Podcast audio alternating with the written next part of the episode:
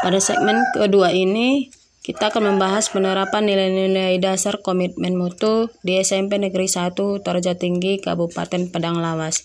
Di mana kita ketahui nilai-nilai dasar komitmen mutu itu ada empat ya.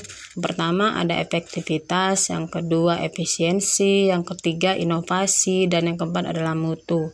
Jadi kita berikan contoh penerapan nilai-nilai dasar komitmen mutu ini di sekolah mulai dari yang pertama efektivitas. Contohnya ya mengerjakan tugas secara cepat dan tepat. Ini bisa dilakukan siswa ataupun guru.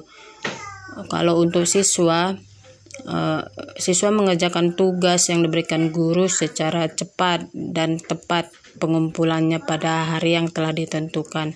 Demikian juga dengan guru.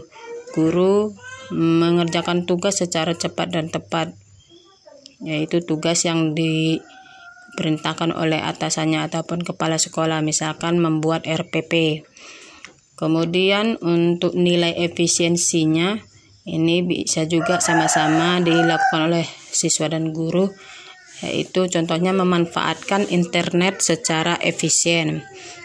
Jadi jaringan internet yang ada di sekolah itu boleh dimanfaatkan oleh siswa dan guru.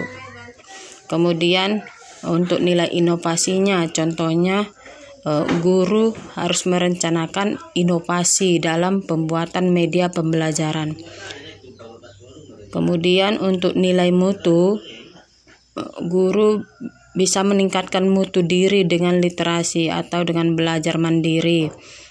Kemudian bisa juga contohnya guru harus terbuka menerima evaluasi dari temannya untuk meningkatkan mutu kinerja.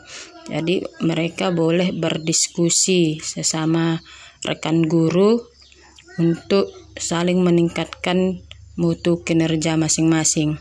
Nah, kira-kira demikian pada pembahasan kita hari ini dan bermanfaat untuk semuanya.